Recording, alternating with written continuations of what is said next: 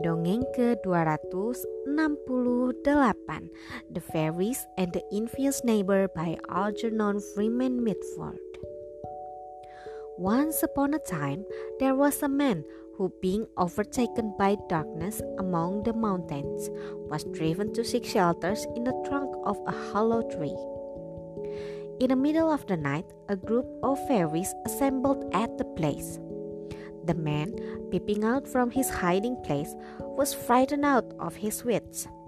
But after a while, the fairies began to feast and drink wine, and to amuse themselves by singing and dancing until at last the man forgot all about his fright and crept out of his hollow tree to join in the revels.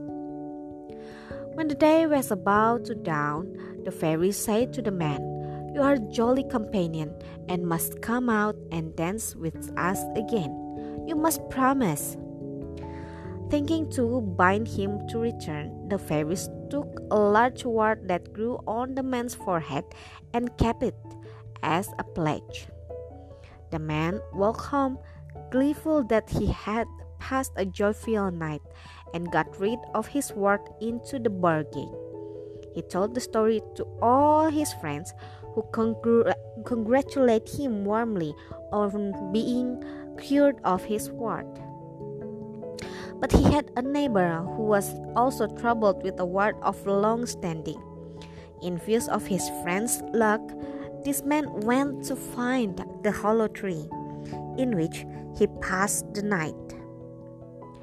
Towards midnight, the elves came, as expected, and began to feast and drink and sing and dance as before. As soon as he saw this, he came out of his hollow tree and began dancing and singing as his neighbors had done.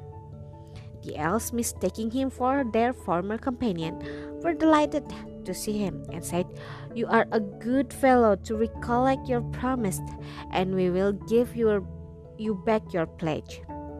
So one of the elves pulled the pound wart out of his pocket and stuck it into the man's forehead, on top of the wart he already had. The envious neighbor went home weeping, with two warts instead of one. This is a good lesson to people who cannot see the good luck of others without coveting it for themselves. Sekian, terima kasih telah mendengarkan. Selamat malam.